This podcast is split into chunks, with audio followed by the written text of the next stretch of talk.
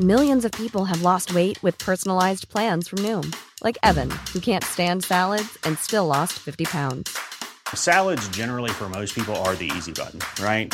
For me, that wasn't an option. I never really was a salad guy. That's just not who I am. But Noom worked for me. Get your personalized plan today at Noom.com. Real Noom user compensated to provide their story. In four weeks, the typical Noom user can expect to lose one to two pounds per week. Individual results may vary. Head over to Hulu this March, where our new shows and movies will keep you streaming all month long. Catch the award winning movie Poor Things, starring Emma Stone, Mark Ruffalo, and Willem Dafoe. Check out the new documentary, Freaknik The Wildest Party Never Told, about the iconic Atlanta Street Party. And don't miss FX's Shogun, a reimagining of the epic tale, starring Anna Sawai. So, what are you waiting for? Go stream something new on Hulu.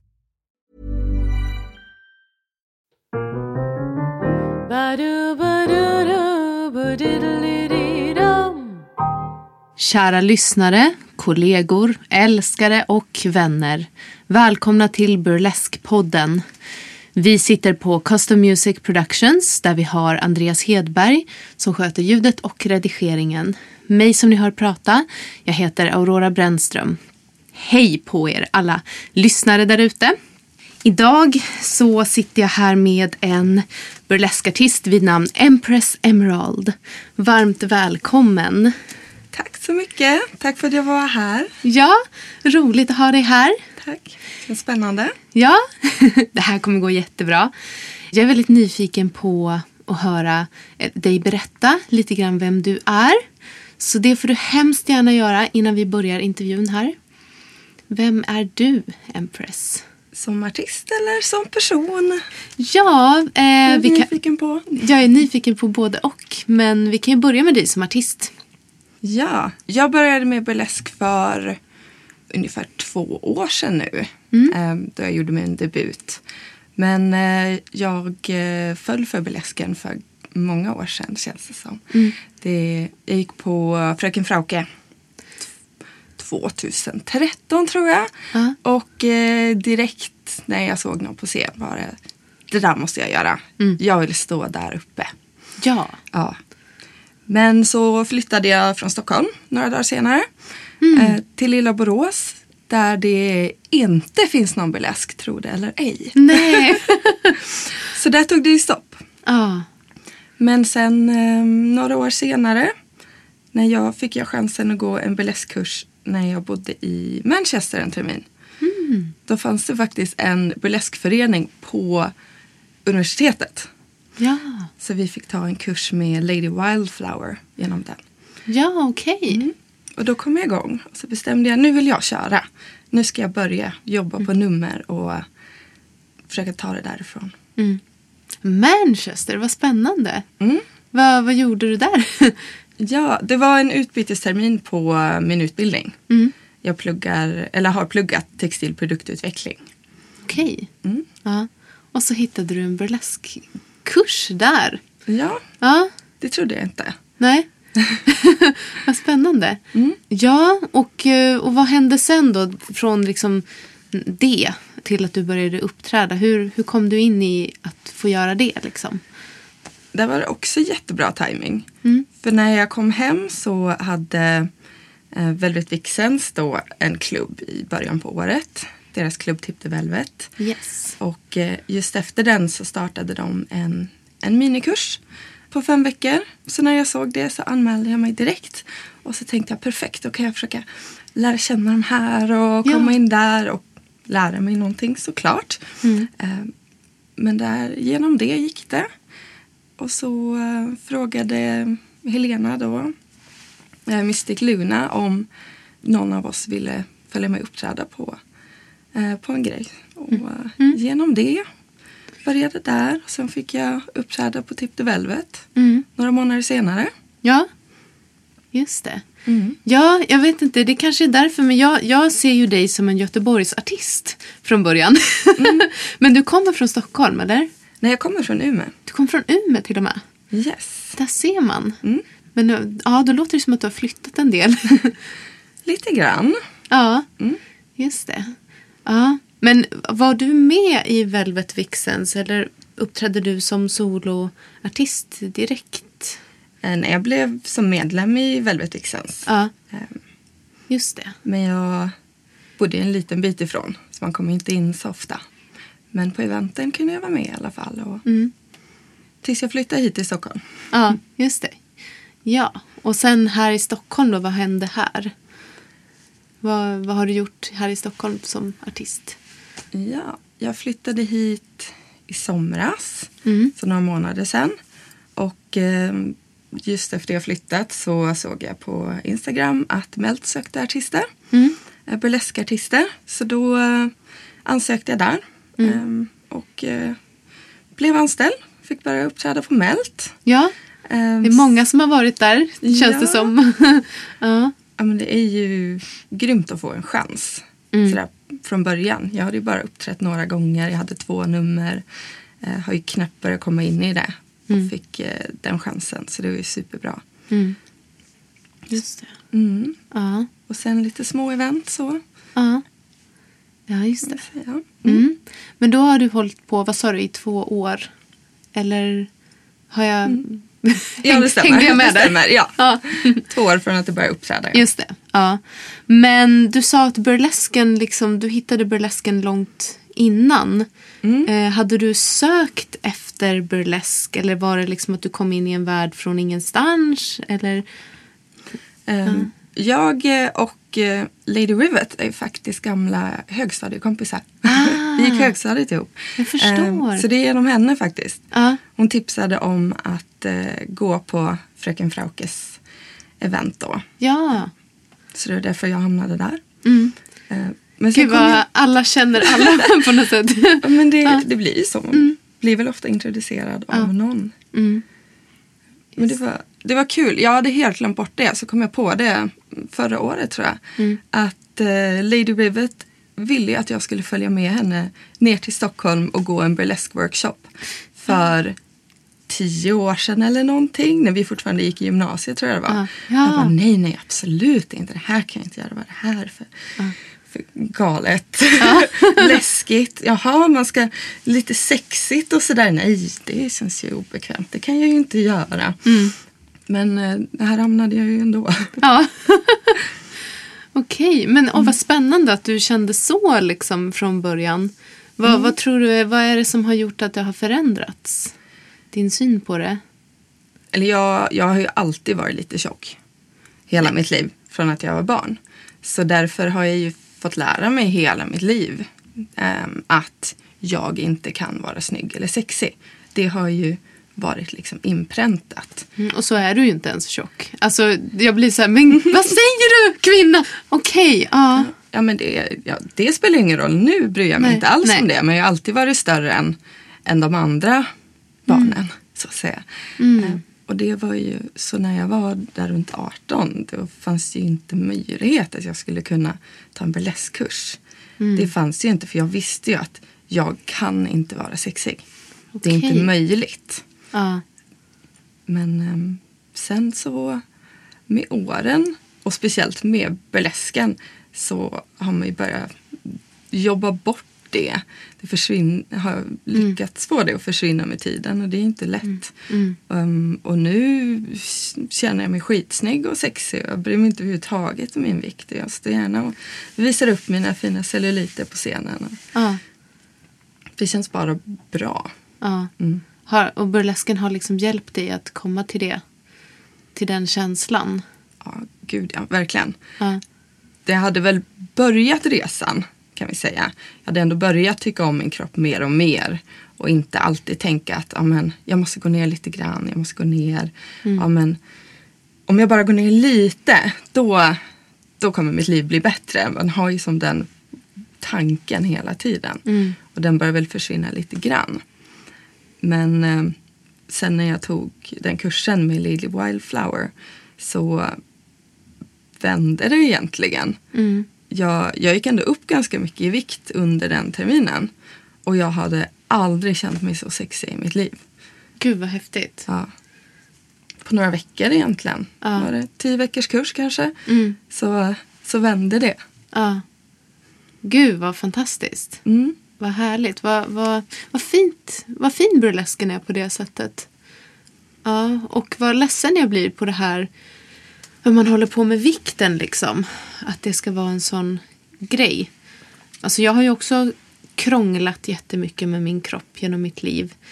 Nu har ju jag liksom, jag vet inte, jag har kanske passerat som normal normalsmal eller liksom normal size. Men jag har alltid känt mig tjock av någon anledning. Och hållit på och krånglat och bantat och allt det där. Liksom. Och precis det, alltså jag känner så väl igen det här du säger. Att man går omkring med tanken att ah, men om jag går ner lite grann. Om jag liksom håller mig under den här gränsen. Och att man sätter upp liksom ett mål för sig själv som är så dumt bara.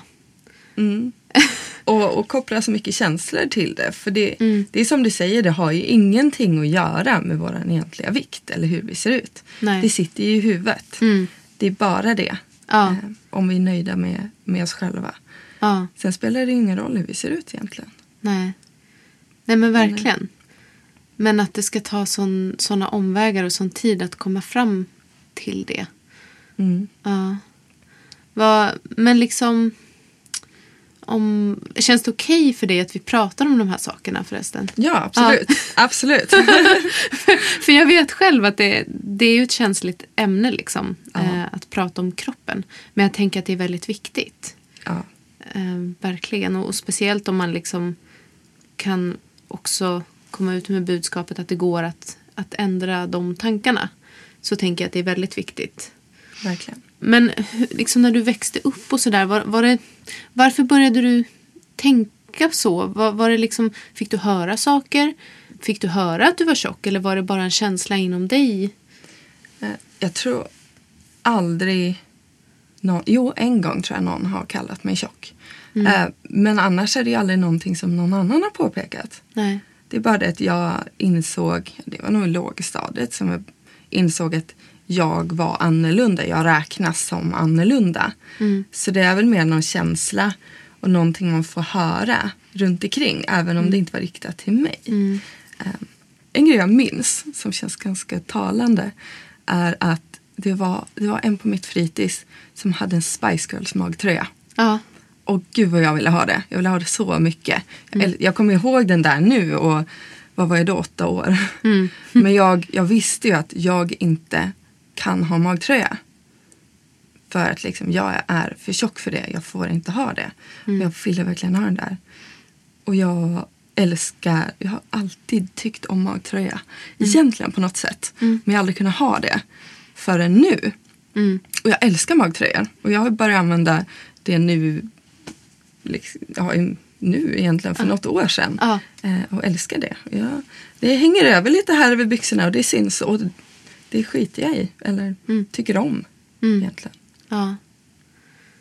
Ja, okej, men så det, så det var liksom mer av, av en känsla av, eh, eller när du började du liksom jämföra det med andra barn och att, att liksom samhällets normer trängde sig in på dig på något sätt. Ja, jag tror det. Ja.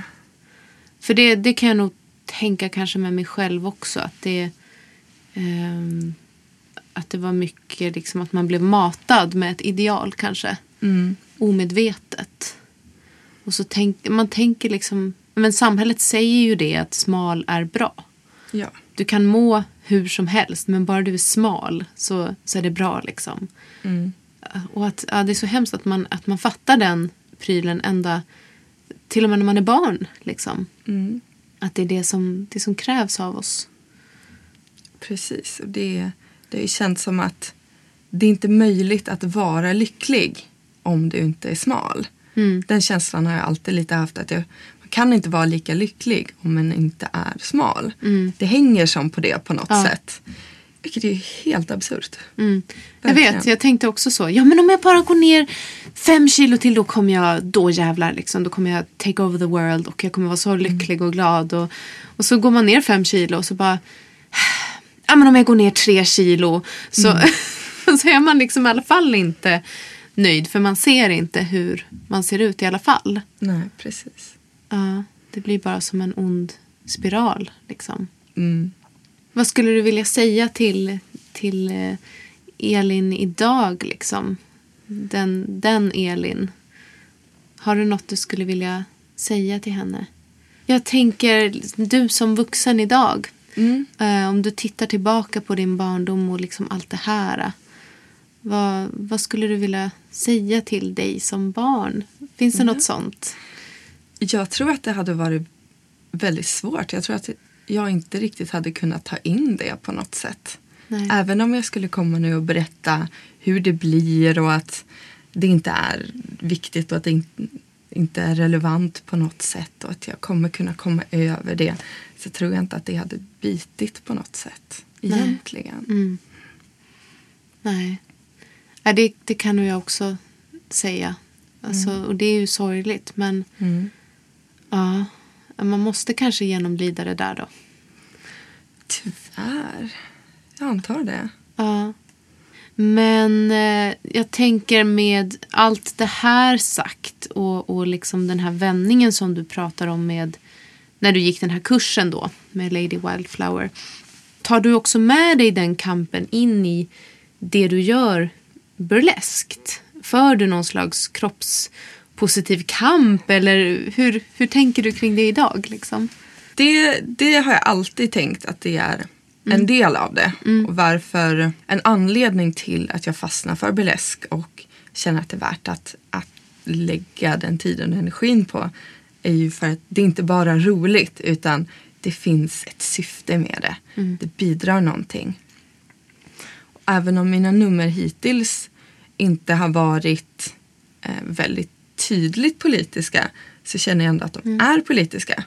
Bara det, det faktum att jag går upp på scenen känns som ett politiskt statement.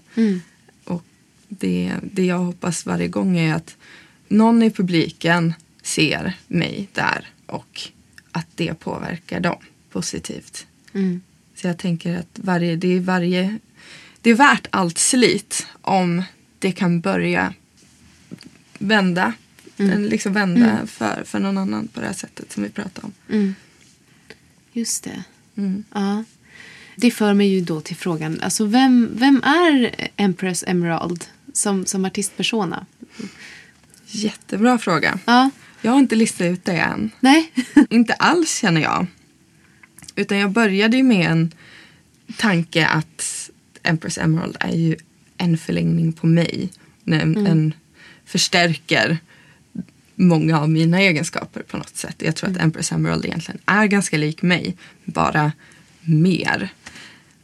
Men skillnaden jag har tänkt lite på Empress och mig är att Empress har ett helt annat liksom, självförtroende. Empress tror ju att hon är bäst i universum. Ja. Det är the self-proclaimed Empress of the universe. Just Liksom, jag tror, eller Empress tror att alla dyrkar henne. Mm.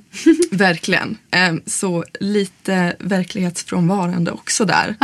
Tänker man få in en lite komisk touch på det ändå. Att, eh, kanske lite, lite full of herself eh, Mm. och inte riktigt inser det. Men det kan ju vara lite kul att, leka med. Mm. Så jag tänkte verkligen att, att Empress ska verkligen komma ut, vara världens, komma ut på scenen och världens inte, power Mm. på något sätt. ehm, eh, och verkligen känna sig sexig och allt det här som jag kanske inte riktigt hade gjort. Mm. Men nu vet jag inte riktigt om, eh, om det är Empress. Men jag, försöker, jag testar lite olika fortfarande. Lite olika stilar på mina nummer. Försöker hitta vad jag tycker om att, att göra inom burlesk. Vad jag tycker om att göra för nummer. Så tänker jag att Empress får utvecklas lite utifrån det. Mm. Så det, jag tycker det blir spännande att se vad, vad Empress kommer bli i framtiden. Ja, Men jag är mitt under resan fortfarande där. ja. ja, det låter jättespännande. Mm. Att, eh, men det, är ju, alltså det är ju fint att, att låta det vara så, tänker jag. För att... ehm, eller så är det ju med livet överhuvudtaget. Jag har tänkt mycket på det där med hur, hur man kan liksom... Om man tror att man ska befästa någonting hos sig själv. Att "Nej, men nu är det så här. Eller nu tycker jag så här. Och så är man fast i det. Då utvecklas man ju ingenting. Eh, utan att man så här låter sig vara öppen för att ja, men jag kanske tycker ungefär så här nu men i fram, eller så här, det är inte säkert att jag tycker det imorgon. Och att man får lov att... Jag, jag tycker så här att, man, att vi generellt i samhället borde vara bättre på att låta varandra få ändra sig. nu, nu Och kanske, det gör vi ju. Ja, Så, det, så det måste man ju såklart låta varandra. Men ibland, jag håller med att ibland känns det som att man ska bestämma lite hur den ska vara, Ja. hur ens liv ska vara.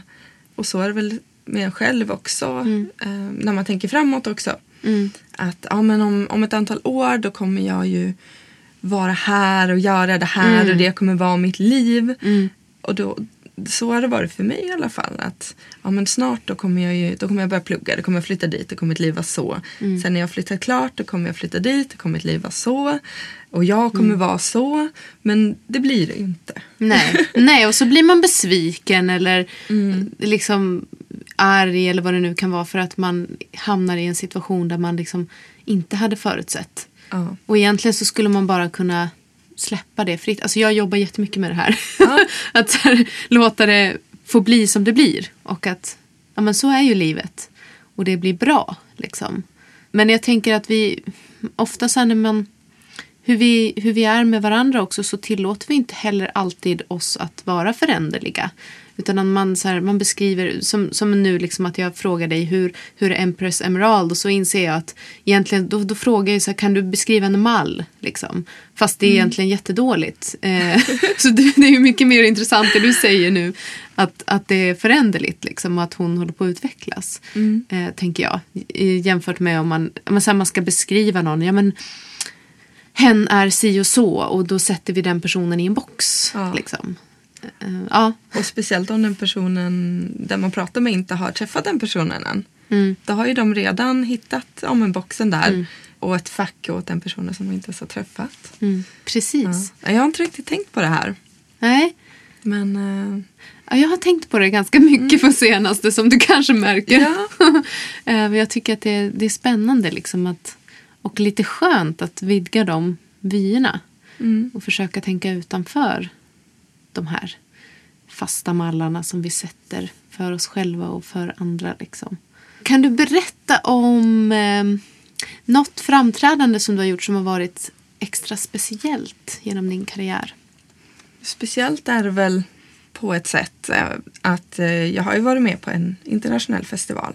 Ja. Ja, The Amazing Flamingo Cabaret and Burlesque Festival av eh, Torino i Italien. yeah! Så det är väl ändå lite speciellt. Ja. Det var ju så kul att bli utvald. Det hade jag inte trott. Det är första gången jag ja, ansökte till festivaler. Jag skickade ut till tre stycken och det var faktiskt någon som svarade. Ja. det hade jag inte trott. Nej. Så det var jätteroligt. Ja. Um, att få åka ner och det känns väldigt, väldigt speciellt. Ja. jag förstår det. Hur var publiken? Vad fick du för mottagande? Väldigt annorlunda.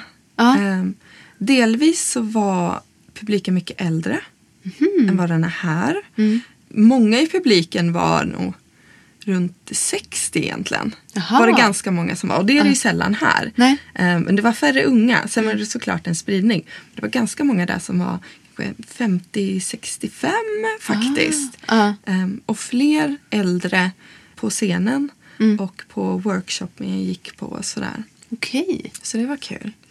Ah, vad spännande. Mm. Men sen var kändes det som, det var väldigt många italienska artister. Mm. Det är en lite mindre nyare festival. Mm. Eh, och många verkar vara från där kring. Många kände Mm. varandra. Och eh, det kändes som att många nummer eller stilar eh, påminner mer om varandra. Mm. Att det var lite likare. Alla hade såna här eh, nattstrumpbyxor till exempel. Ja. Varenda en på, Okej. i nybörjartävlingen. Ja. Lite såna grejer. Mm. Och mitt nummer stack ju ut lite då. Mm. För jag hade mitt skogsrånummer som eh, inte är... Ja, jag har inga nattstrumpbyxor på mig för Nej. första. eh, men det är inte... Eller det är mer in, intensivt. Det är eh, mer av en utklädnad, höll på att säga. Jag vet inte hur jag ska beskriva. Men det är, det är ett ganska intensivt nummer. Det är inte flörtigt Mm. på något sätt. Nej. Även om det blev det i början när jag uppträdde för att jag inte riktigt visste vem jag var så blev Ja. jag flörtig automatiskt. Men nu har jag kommit fram till att det är inte ett flörtigt nummer på det sättet. Eh, Så det stack ut lite. Och jag fick eh, inte så mycket applåder faktiskt. Eller liksom, eh, publiken var ganska tyst. Och det är ju inte ett nummer som har de här naturliga ställena där alla bara skriker. Nej. Kanske Mm. på samma sätt. Eh, Men eh, det känns som jag ändå hade med publiken lite och kanske att de, Mm. de jag tror att de ändå uppskattade numret men det, det stack ut lite. Mm. Vad kul, Så, ja. tänker jag. Att, att du var med där och att, att det var så. Mm. Ja, hur tänker du när, när det blir så? För jag, jag tänker burlesk handlar ju väldigt mycket om publikkontakt. Och, och det, många artister går ju verkligen in för att det ska vara tjo och tjim och, och det här liksom skrika och klappa hela tiden. Och att det är det på något sätt som det går ut på. Mm. Men om man inte får det så direkt. Då är det lite svårare. Ja. Får du den kontakten med publiken på en gång ja, då får man ju energi av, av publiken på en gång. Mm. Och eh, tycker jag i alla fall. Mm. Och då är det enklare att ta med den i resten av numret och Ja. fortsätta connecta med publiken. Men det är svårare om publiken är tyst. Mm. The number one selling product of its kind with over 20 years of research and innovation. Botox Cosmetic, out of botulinum toxin A, is a prescription medicine used to temporarily make moderate to severe frown lines, crow's feet, and forehead lines look better in adults. Effects of Botox Cosmetic may spread hours to weeks after injection, causing serious symptoms. Alert your doctor right away as difficulty swallowing, speaking, breathing, eye problems, or muscle weakness may be a sign of a life threatening condition. Patients with these conditions before injection are at highest risk. Don't receive Botox Cosmetic if you have a skin infection. Side effects may include allergic reactions, injection site pain, headache, eyebrow and eyelid drooping, and eyelid swelling. Allergic reactions can include rash, welts, asthma symptoms, and dizziness. Tell your doctor about medical history, muscle or nerve conditions including ALS or Lou Gehrig's disease, myasthenia gravis, or Lambert-Eaton syndrome and medications, including botulinum toxins, as these may increase the risk of serious side effects. For full safety information, visit BotoxCosmetic.com or call 877-351-0300. See for yourself at BotoxCosmetic.com. Millions of people have lost weight with personalized plans from Noom, like Evan, who can't stand salads and still lost 50 pounds. Salads, generally, for most people, are the easy button, right? For me, that wasn't an option. I never really was a salad guy. That's just not who I am. But Noom worked for me. Get your personalized plan today at Noom.com. Real Noom user compensated to provide their story. In four weeks, the typical Noom user can expect to lose one to two pounds per week. Individual results may vary. Det, det märker jag ju stor skillnad på mina nummer också. Speciellt när jag uppträder på Melt. Att eh, mitt eh, Vintage Boudoir-nummer som är ganska långsamt. Där är ju publiken ganska tyst i i alla fall hälften, två tredjedelar nästan av numret. Och så sen är det en bam-avslut och då skriker alla jättemycket. När man tar av sig och börjar tassel-twirla och ner på Ja. golvet. Men andra som är lite mer, eh, lite mer fartiga eller man kommer igång lite mer sådär på en gång. Då, då får man ju mer från publiken och det blir enklare. Mm. Enklare att fortsätta hålla kontakten om publiken är mer aktiv. Just det. Ja. Ja. Och det är ju det är ju en skillnad när man står och sjunger för då vill man ju på något sätt att publiken ska vara tyst och lyssna. ja, det är klart. ja. Ja, nej, men det är lite ju... Mm, ja, verkligen. Mm. Ja.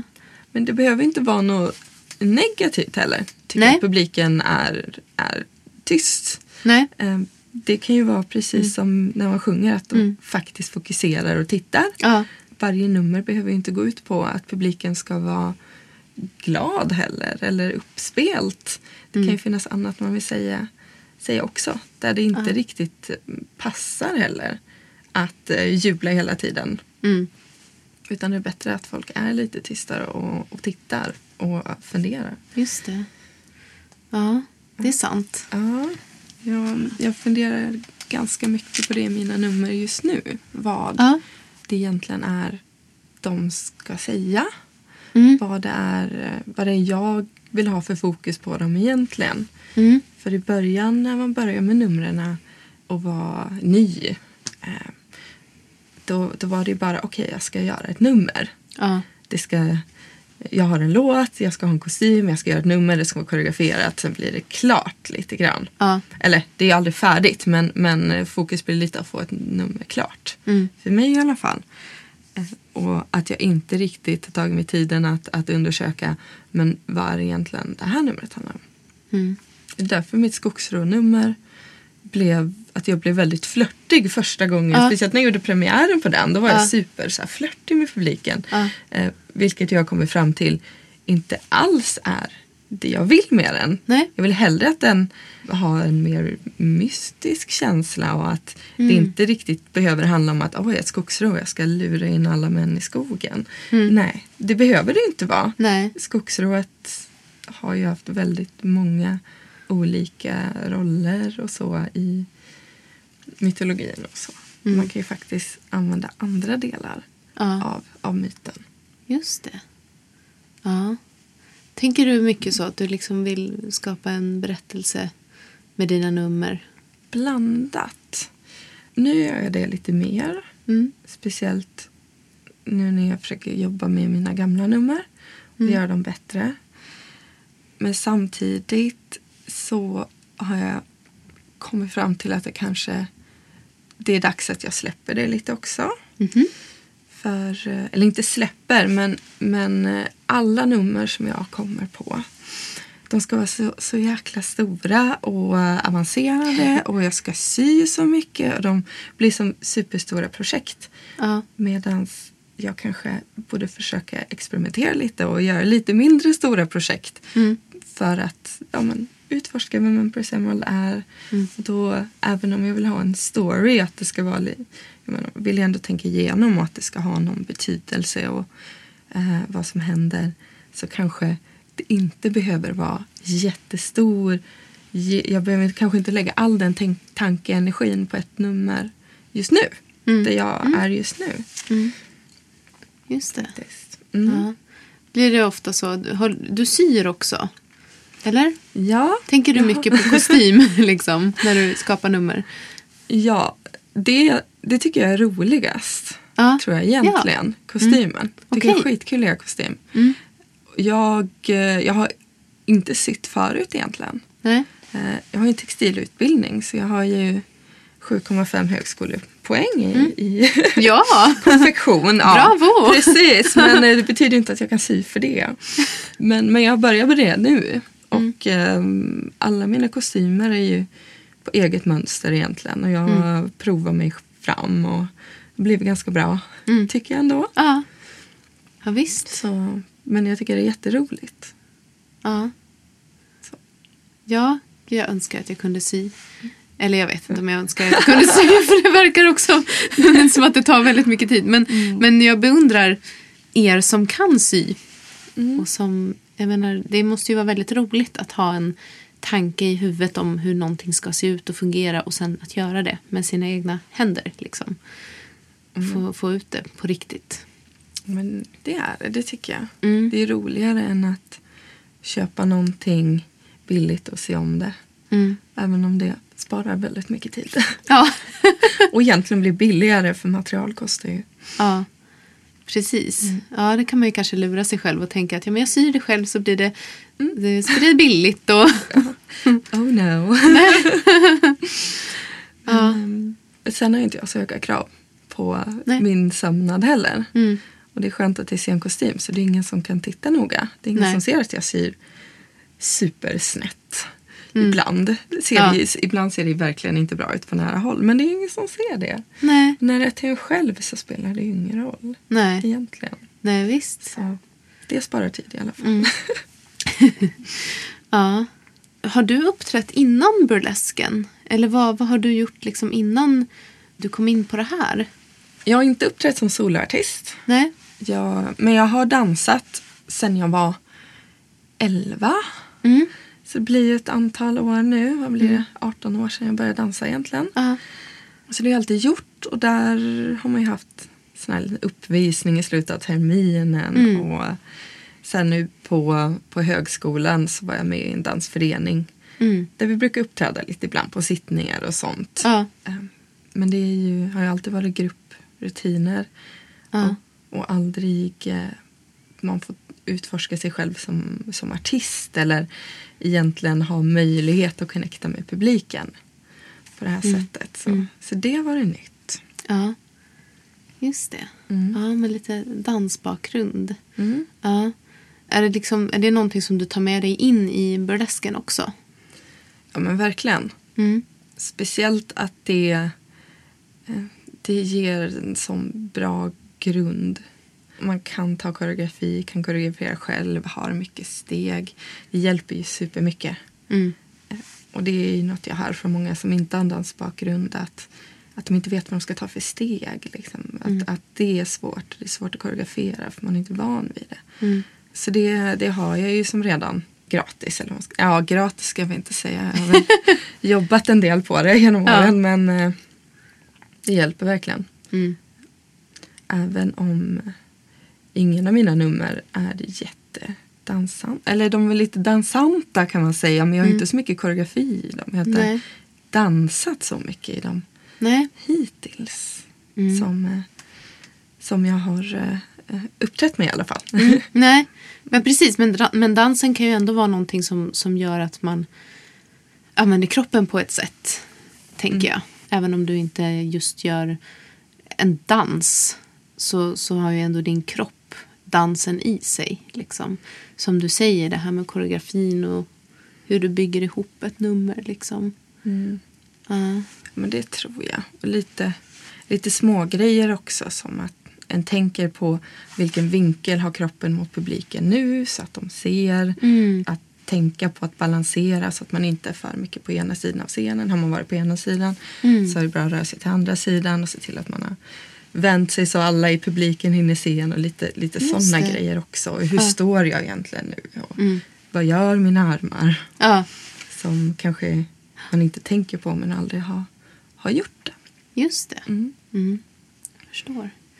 Mm. Vad inspireras du av till ditt artisteri, tänker jag?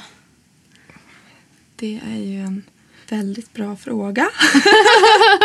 ja. ja, jag vet inte om jag har något bra svar på den. Nej. Eh, Det är inte så att jag eh, varje gång jag vill inspireras så gör jag det här. Nej. Eller jag eh, tittar jättemycket eller, eh, på den här sortens dans. Eller jag går på konstutställningar eller något så här specifikt. Men verkligen av andra artister. Mm. Det känner jag varje gång jag är på en show. Då kommer ju inspirationen. Och har den känts död ett tag så kan jag gå på en show och där, där kommer inspirationen och kicken. Och då Mm. börjar man tänka på åh, sina egna nummer och börja jobba på det igen och då kommer jag igång. Mm. Så där får jag verkligen så tydlig inspiration. Ja. Kan jag säga. Just det. Mm. Har du liksom... Hur tänker du när du bygger nya nummer? Har du liksom en, någon slags eh, så här, en bank av olika eh, saker du skulle kunna göra i olika nummer? Eller, eller blir det liksom som att om du går på en klubb, det är då som du kanske hittar den här, ah, aha, det är det här jag ska göra i mitt nästa nummer liksom. Eh, både och. Ja. Delvis så när jag får idéer så skriver jag ner dem. Mm.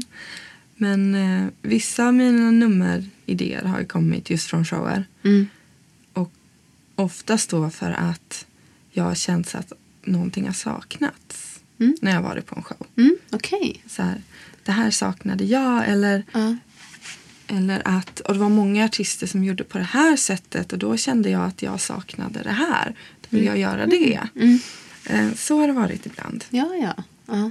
Mm. Eller att man sett hur någon jobbar med kostymer. Åh, ja, men så kanske jag kan göra i det här numret och så spinner man ju vidare. Just det. Ehm, Ja. Finns det många idéer som ligger och lurar i nuläget? Gud ja. så många och Ja. ingen tid såklart. Och svårt att veta. Alla mina projekt är så stora Ja. eh, som jag har kommit på. Eh, och jag ska ha olika speciallösningar och så börjar jag tänka på hmm, hur kan man göra det här. Och jag har ändå studerat produktutveckling, textilproduktutveckling så då börjar jag tänka mer på kanske avancerad eh, uppbyggnad av, av eh, textilierna och hur Ja. man kan jobba med det. Och då, menar, då, då är det inne på en väldigt tidsomfattande projekt helt plötsligt. Ja. Eh, Så just nu försöker jag väl göra, försöker jobba på några lite kortare, eller som tar kortare tid. De behöver inte bli sämre för det. Nej. Men att jag försöker att inte prioritera det som jag ska sy från grunden allting Mm, på mm. något konstigt sätt som jag egentligen inte kan. Ja. ja, just det. Skala av lite grann liksom. Mm. Ja. Jag får någon bild av så hur, man, hur man kan sätta upp teaterföreställningar när man liksom... Det kan ju bli för mycket rekvisita till exempel. Då kan det bli lite rörigt och, och så här, man skalar bort. Jag, jag har sett flera teaterföreställningar som, där man inte har så mycket rekvisita. Då kan man ju verkligen få fram andra saker.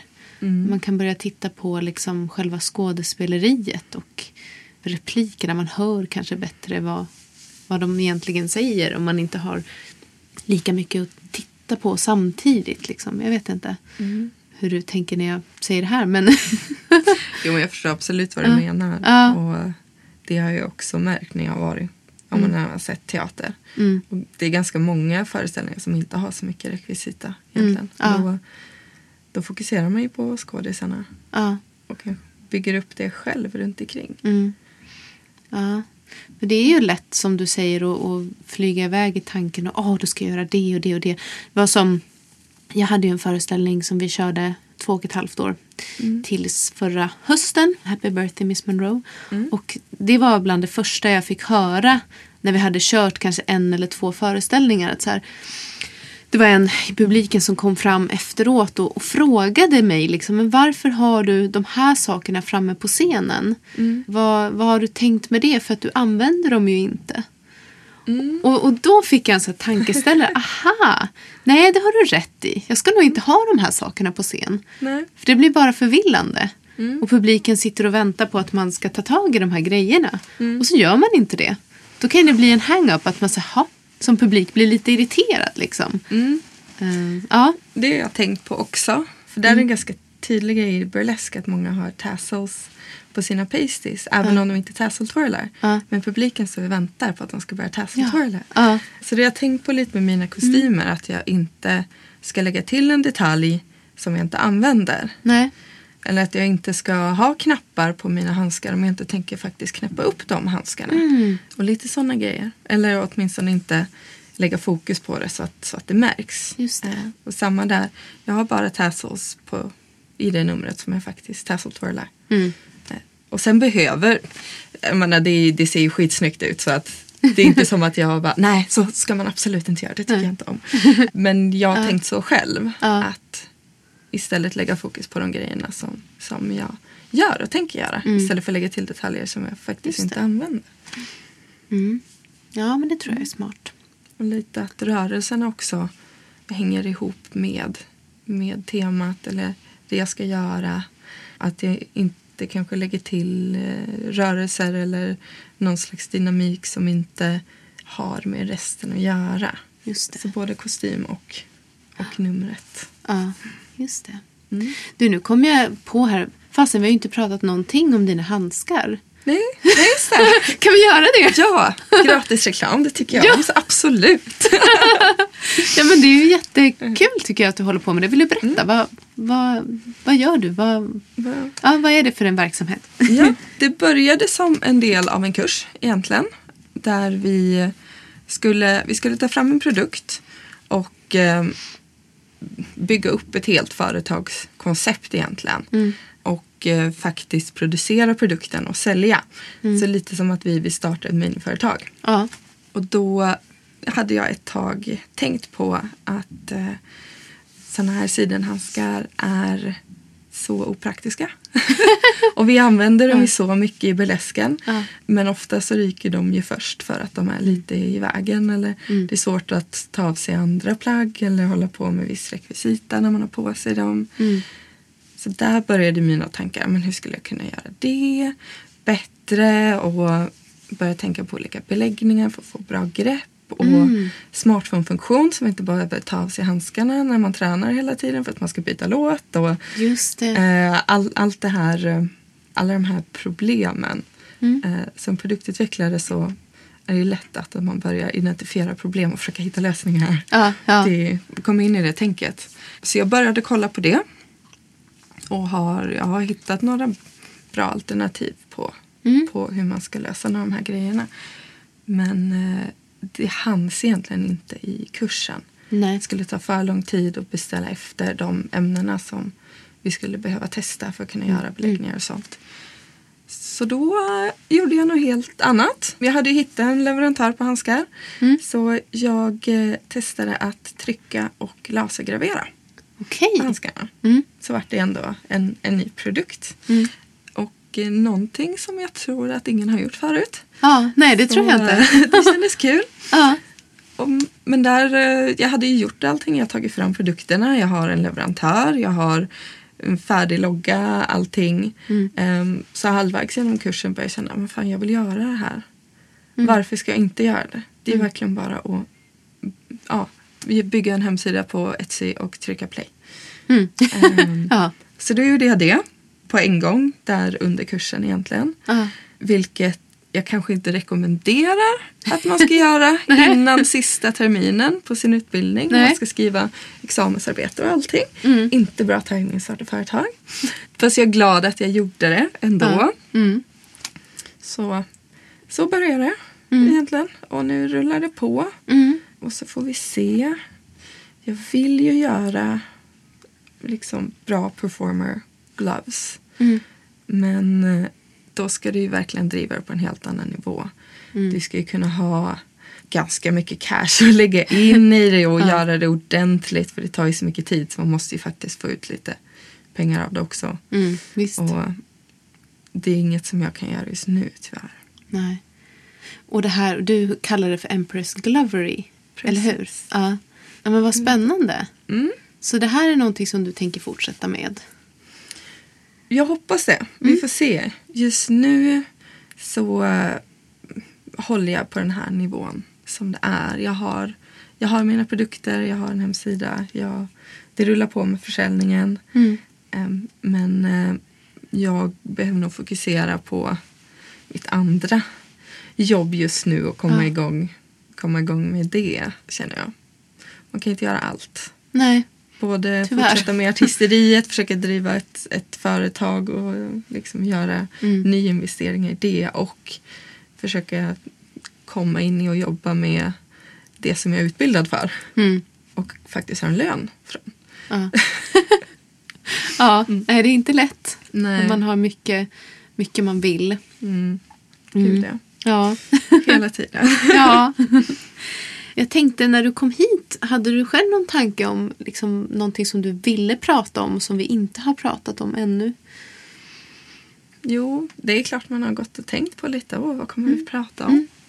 Och så börjar jag tänka lite på men vad, vad skulle jag vilja höra? Eller Mm. framförallt vad kanske hade jag behövt höra för ett år sedan? Ja. När man var lite mer i, i början, i Mm. startgroparna. Mm. För jag har tänkt på det väldigt mycket på senaste tiden. Hur, vilken plats burlesk ska ha i mitt liv. För det tar väldigt stor plats nu. Mm. Vilket jag älskar. Men kanske inte just det där har, har råd med att lägga så mycket Nej. tid på. Och. Är det rimligt? Och vad, vad är det egentligen i burlesken som, som jag tycker om? Varför gör jag det här? För det, Mm. det rullar på och man det lite som ett jobb och liksom fortsatt på samma sätt och insett att nu fokuserar inte jag på det som jag faktiskt tycker är roligast. Nej. Anledningen till att jag började. Mm. Det kreativa börjar försvinna. Mm. Så um, där är jag i tanken väldigt mycket nu. Att man ska tänka på egentligen varför jag gör det här. Ja. Är det en hobby som jag mår bra av? Ja, men då kanske jag ska göra de delar som jag mår bra av. Mm. Inte de delar som jag har hört att jag ska fokusera på. Just det. Mm. Ja, nej, men det är nog viktigt. Mm. Eller det är viktigt. Ja, Ja. det, det känner jag. Det hade jag kanske behövt höra för ett år sedan. Ja. För nu har det gått en helt annan väg Mm. eh, för mig. Tusen tack för att du var här idag. Tack för att jag fick komma. Ja, så himla trevligt. Om man är intresserad av dig, vart ska man vända sig då? Vart kan man följa dig? På min Instagram, Empress Emerald. Och eh, Empress Glovery då, också Just på det. Instagram. Ja. Och det, det är de kanalerna som Ja. jag använder. ja, Mm. då då, får ni vända er dit, ni som har lyssnat. Och tack för att ni har lyssnat, så hörs vi igen